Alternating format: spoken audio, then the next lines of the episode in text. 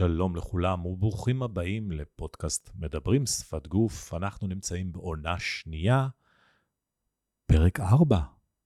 איך שהזמן רץ לנו. בפרק הזה אנחנו נדבר על המודע והתת-מודע והסמוך למודע. ומה זה אומר ואיך כשאני מסתכל על אנשים אני מסתכל כל הזמן ואני רואה כל כך הרבה תהליכים שהם עוברים בתת מודע, כלומר, הם לא מודעים למה שעובר עליהם. אז קודם כל, מי היה בין הראשונים שהגה את המושג הזה בכלל מודע ותת מודע? כמובן, אנחנו מדברים על פרויד. לגבי התת מודע, יש המון uh, פילוסופים, פסיכולוגים, uh, גם תלמידים שלו, שלא הסכימו לגמרי עם איך שהוא מפרש את התת מודע. אז בואו נחלק את זה קודם כל. יש לנו את המודע, כל הדברים שאנחנו מודעים להם. ויש לנו את התת-מודע, שזה דברים שאנחנו לא מודעים להם. ואם אנחנו נצייר קרחון, ורוב הקרחון מוסתר מתחת למים, אז מה שמבצבץ מלמעלה זה המודע. אנחנו רואים אותו, אנחנו יודעים, אנחנו מכירים אותו, הוא לא נסתר מאיתנו, זה כל הדברים שאנחנו מודעים להם. העניין הוא שרוב הקרחון שוכן לו מתחת למים, ולכן רוב הדברים אנחנו לא מודעים אליהם, וזה נקרא תת-המודע. יש גם משהו שנקרא סמוך למודע, שזה דבר שאם נצטרך, אנחנו ניזכר בו. אז הוא שוכן צמוד למודע. זה דברים שחרוטים אצלנו, ואנחנו בשנייה יכולים להעלות אותם על סדר היום, להיזכר בהם, או, להיות, או להעביר אותם למודע, להיות מודעים אליהם.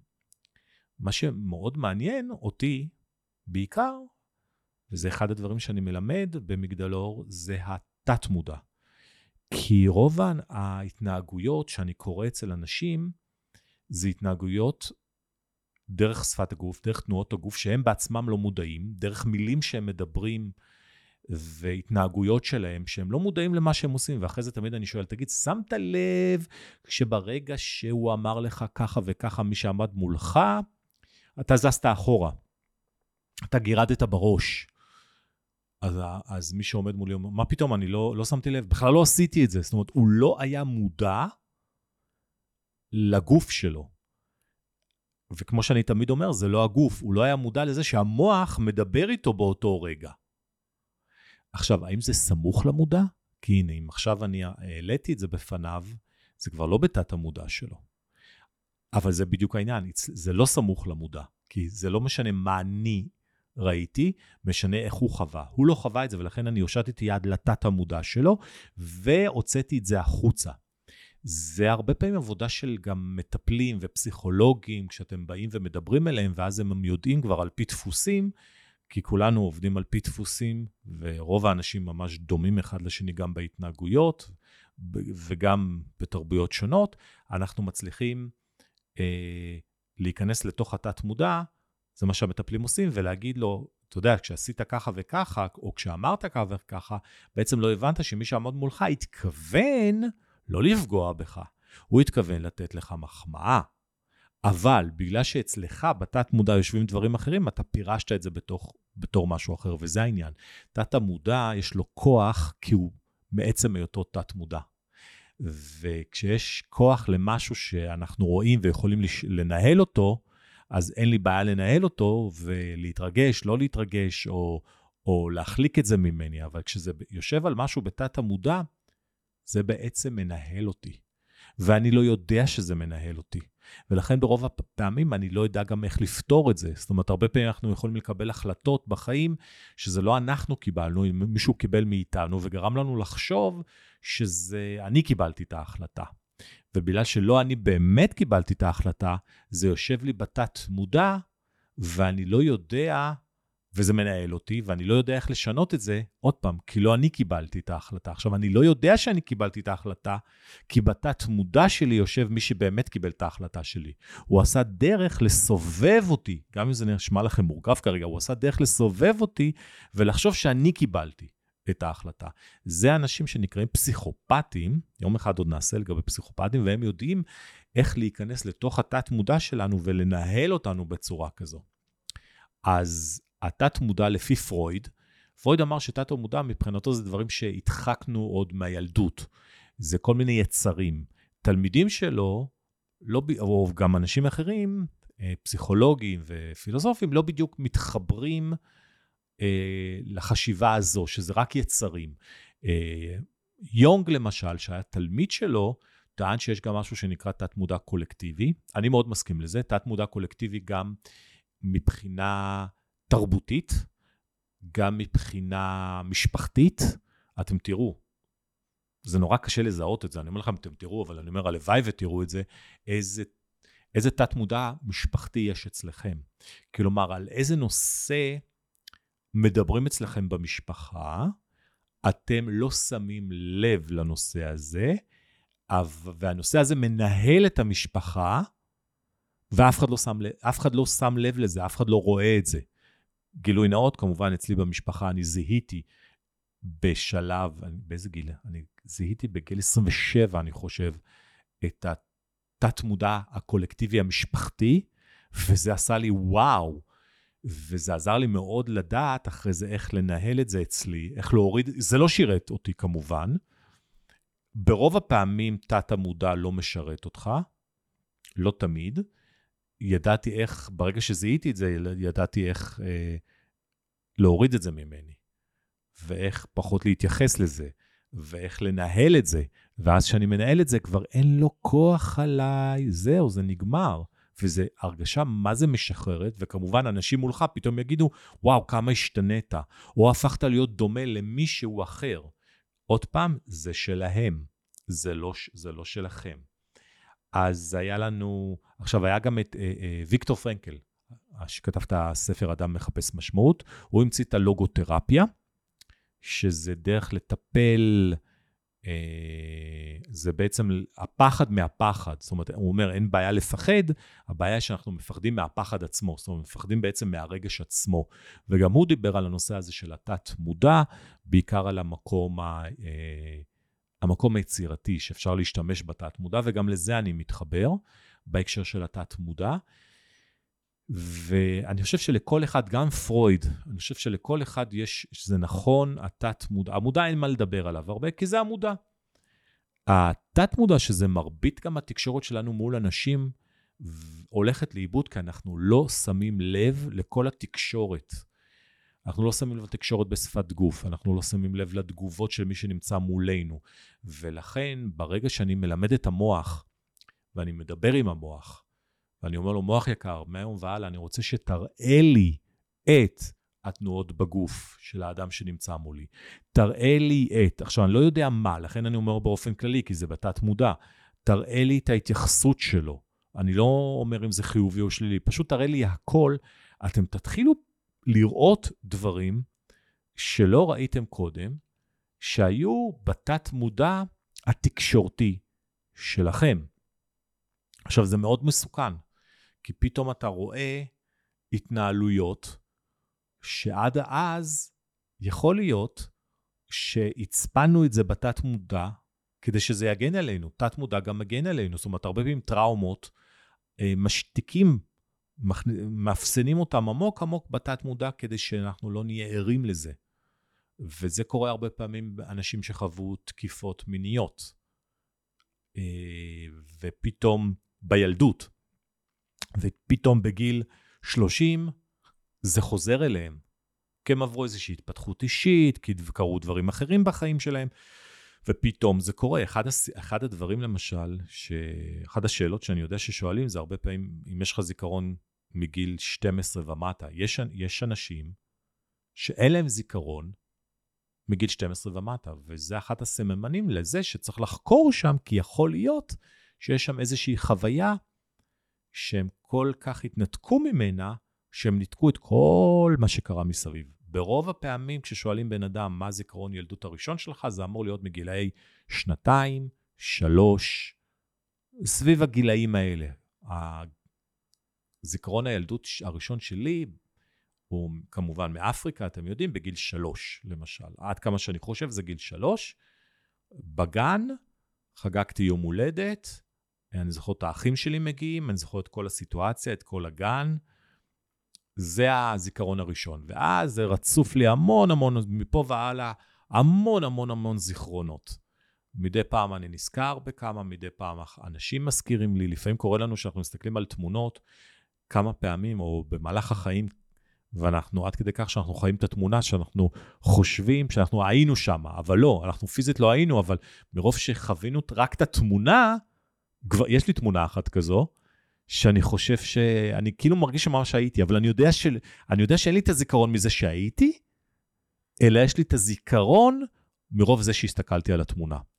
לעומת זאת, יש לי תמונה אחרת שאני יודע שהייתי, כי יש לי זיכרון של המגע, של הבד, שהייתי, אה, אה, שמישהי שם נתנה לי, אה, שחיבקה אותי. אז אני ממש זוכר את הבד, ואז אני יודע שזה זיכרון אמיתי. אני גם זוכר מי צילם. אז אני יודע שזה זיכרון אמיתי ולא זיכרון מתוך התמונה. תראו כמה נפתולי המוח אנחנו, יודע, אנחנו יודעים מעט מאשר אנחנו לא יודעים. זה בדיוק כמו, בדיוק כמו המודע והתת-מודע. אנחנו, ככל שאנחנו גדלים יותר, אני, אני יודע שאני יודע, ככל שאני גדל יותר, אני יודע שרב הלא יודע, הרב הדברים שאני לא יודע, מהדברים שאני, לא, שאני יודע. זאת אומרת, אני יודע קמצוץ באמת ממה שאפשר לדעת. עכשיו, זה נהדר, כי זה אומר שיש עוד המון לחקור ועוד המון אה, לדעת. אז אנחנו מדברים על ה... אז המטרה שלנו, גם כשאנחנו מדברים למשל מול לקוחות, זה לא, לגעת במקום הזה של התת-מודע. הרבה פעמים מקום של התת-מודע בתקשורת זה המקום שאני לא יודע מה שאני לא יודע. הבנתם? זאת אומרת, יש דברים שאני יודע עליי, אני יודע ואני מכיר את מה שאני יודע. יש דברים שאני יודע, שאני לא יודע, אבל אחרים יודעים עליי. ויש מקומות שאני יודע, שאני לא יודע מה חושבים עליי, ואני לא יודע מה עליי, עליי בהקשר הזה, וגם לא מכיר. וזה מקום למשל שהרבה פעמים, והמקום הזה, זה הבסיס של ההתנהגויות שלנו. וזה המקום שכפרופיילר, כאדם שבונה דיוקן עסקי, או דיוקן כזה או אחר על אדם, על מתחרה, שאני בודק את ההתנהגות שמניעה אותו, מה שמניע אותו מתחת. כלומר, אם ניקח את הסיר של החמין, הסיר של החמין לא, לא התחמם סתם, יש את האש למטה.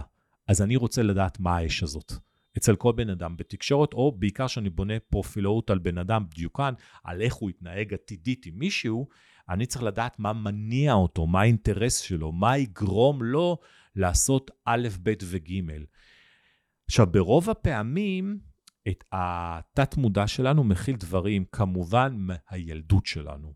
דברים לאו דווקא לא טובים, אבל התנהגויות של, בעיקר של ההורים שלנו, או אחד מהם דמות דומיננטית, אם זה אימא או אם זה אבא, אצל כל אחד זה אחר, ברוב הפעמים זה האימא. כי היא הדמות המטפלת, היא הדמות שנעשה איתה, יש מושג שנקרא attachment. ה-attachment הראשוני, החיבור הרגשי הראשוני זה עם אימא, ואם החיבור הזה דפוק, אנחנו נסחוף אה, שריטות לכל החיים. ואני רואה את זה בהתנהגות, בתקשורת של אנשים עם אנשים. ואז אני ממש רואה, וחלק מהדברים שאנחנו מנתחים למשל במגדלור, במכון, כשאני מלמד, חלק מהדברים אנחנו מנתחים את הדמות של האימא, כשאנחנו רואים מישהו מדבר, ואני מסביר לתלמידים איך אפשר לדעת איך הדמות של האימא הייתה בילדות. האם היא הייתה רכה, האם היא הייתה קשה, האם היא הייתה כפייתית, רק לגבי איך הוא מתייחס בתקשורת כלפי אחרים. למה זה? כי התקשורת הראשונה שלנו זה אל מול האימא. התקשורת הראשונה שלנו זה מול האבא. וזה גם תקשורת שאנחנו לא קוראים עליה תיגר, לא כמו היום. כי שמה זה האורים והתומים שלנו, ולכן כל מה שנאמר זה דברי אלוהים חיים. וזה לא פעם אחת, זה לא פעם, פעמיים. אנחנו מדברים על שנים ראשונות, שש שנים ראשונות שהן השנים הכי חשובות, שאחרי זה חלק מהתודעה שלנו משתנית, יש לנו דברים שהם יותר, המודע מתפתח, וככל שהמודע מתפתח, פתאום הילדים אומרים, רגע, אולי ההורים לא כל כך צודקים בכל מה שהם אומרים. אולי מה שאני חושב זה נכון, פתאום זה משהו אחר, קוראים תיגר על דברים. גיל ההתבגרות זה חלק מאוד חשוב ב... בתפיסת האדם כאותו כאדם אינדיבידואלי, משמעותי ועצמאי, ובגילאי עד שש, אין את החשיבה הזו בכלל, כי יש את מה שההורים. והשנה הכי חשובה זה השנה הראשונה, ששם הדימוי העצמי, תחשבו, שנה ראשונה מ-0-1, ששם הדימוי העצמי והביטחון העצמי נבנה על פי היחס של הסביבה. ומה זה הסביבה? זה האימא, איך היא מתייחסת לילד. ועכשיו, היא יכולה לעשות טעויות, היא לא מבינה שהיא עושה טעויות.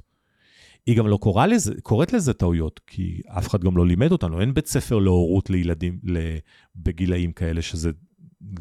אם מישהו ירים את הכפפה ויקים בית ספר להורים טריים, זה יהיה דבר מדהים, ולא מקבלים הדרכה. ואתם מבינים, אחד הדברים הכי חשובים בחיים זה ניסוי וטעייה, עושים את זה על ניסוי וטעייה. וזה התעודה הכי חשובה שצריכים להעניק למישהו, זה תעודת הורה. אני לא חושב שכל אחד יכול להיות הורה, לא כל אחד צריך להיות הורה, לא כל אחד, אבל בהחלט יכול. אני רואה כאלה שאני אומר, יואו, איזה נזק הם עושים. כמובן, כולם טועים. אני לא מדבר על, על טעויות כאלו, על טעויות יותר גדולות. ואז התקשורת שלנו, ואז כשאני מסתכל על מישהו, התקשורת שלו בנויה על התקשורת אה, בבית. ואחרי זה היא בנויה על התקשורת שלו אל מול האחים שלו, גם איזה מקום הוא היה בה, יש תיאוריה שגורסת, ברובה מצאתי שהיא נכונה, על באיזה מקום אתה מבחינת הגילאים אה, של האחים, כלומר, בכור, בינוני, אה, אחרון, או אם אתה מרוב, משפחה מרובת ילדים, או אתה בן יחיד, זה התנהגויות שונות לגמרי. וכשאני, ואז כפרופיילר, אני ממש יכול לזהות אם הוא, בן, אם הוא בן יחיד, אם הוא בן בכור, ויש לזה משמעויות בקבלת החלטות. בן בכור או בת בכורה, לא משנה, ברוב הפעמים תרגיש שעול העולם על הכתפיים שלה. נולד הילד השני, הוא אומר, כבר נולדה אחת, שעול הכתפיים על, ה, על הכתפיים שלה. אז אני כבר לא יכול להיות אותו דבר, אז אני חייב למצוא את הזהות שלי. אני אהיה ברוב הפעמים השני, נולד כאילו הטראבל מייקר. הוא הולך לקצה השני. נולד השלישי, הוא אומר, רגע, יש לי את הצודקת, ה, ה, זאת שהיא כביכול... אה, עם האחריות, יש לי את זה כביכול שהוא מסיר אחריות. עם השנים זה יכול להשתנות. אה, עדיין הניצנים האלה נשארים כמובן. זאת אומרת, גם אדם צריך לעבור את תהליך התפתחות אישית ממש חזק כדי להשתחרר מזה. נולד השלישי, מה, מה נשאר לשלישי? נו, מה אתם אומרים? אז לרוב השלישי, גם, זה, כמו שאמרתי מקודם, מאוד קשור גם לאיך שאימא שלו מגיבה אליו. כי אם היא תגיב אליו למשל בתור הבן הקטן, אז הוא יישאר באמת הבן הקטן. אם היא תתייחס, ואז הוא, כמובן, כילד הוא אומר, או, איזה, איזה יופי, אז אני אהיה מפונק יותר. ואז הרבה פעמים השלישי הופך להיות המפונק יותר. עכשיו, נורא תלוי אם יבואו אחריו, נורא תלוי כמובן אם זה בית חרדי, מרובי ילדים. יש, קש, יש כל דבר מאוד, מאוד, מאוד משנה את זה, אבל בהתנהגות ה, ה, כבוגר, יש דפוסי התנהגות שנורא קל לזהות את זה. תראו מה זה, התחלנו את הפודקאסט בכלל מקטע של uh, תת-מודע, ותראי, ותראו לאן הגענו. כי אתם מבינים, אי אפשר לדבר על משהו בלי להזכיר משהו אחר, ואיך כל כך הרבה דברים משפיעים עלינו ב, בתקשורת שלנו. אז לפחות אני רוצה, עד, עד הפודקאסט הבא שלנו, עד הפרק הבא, תסתכלו מסביב, תראו את הסגנון תקשורת של אנשים, תראו אם יש דפוסים שאתם מזהים, תראו אם יש איזה... דברים שהאדם לא מודע, נכון קורה לכם לפעמים שאתם נמצאים עם איזשהו בן אדם, או אתם מסתכלים על סיטואציה מבחוץ, ואתם אומרים, מה, הבן אדם לא מודע לעצמו? הוא לא מודע שזה מה שהוא אומר? אה, קוראים לזה לפעמים, אם בן אדם אומר דברים שהוא לא התכוון להגיד, לפעמים טעויות פרודרניות. כשזה הקטע, כאילו, מהתת מודע זה עולה כלפי מעלה. למשל, מישהו שהשבוע היה מישהו שהתחיל לספר לי משהו על העבדים שלו, אה, העובדים שלו. זה בדיוק מה שקרה לו. על, לעובדים הוא קרא עבדים. והרבה פעמים אנחנו צוחקים, זה תת-מודע, אה, או-או, זה, מה, מעניין מה פרויד היה אומר על זה. כי זה כאילו מה, מהתת-מודע יצא באמת מה שאתה חושב על העובדים שלך. שהם לא עובדים, הם עבדים.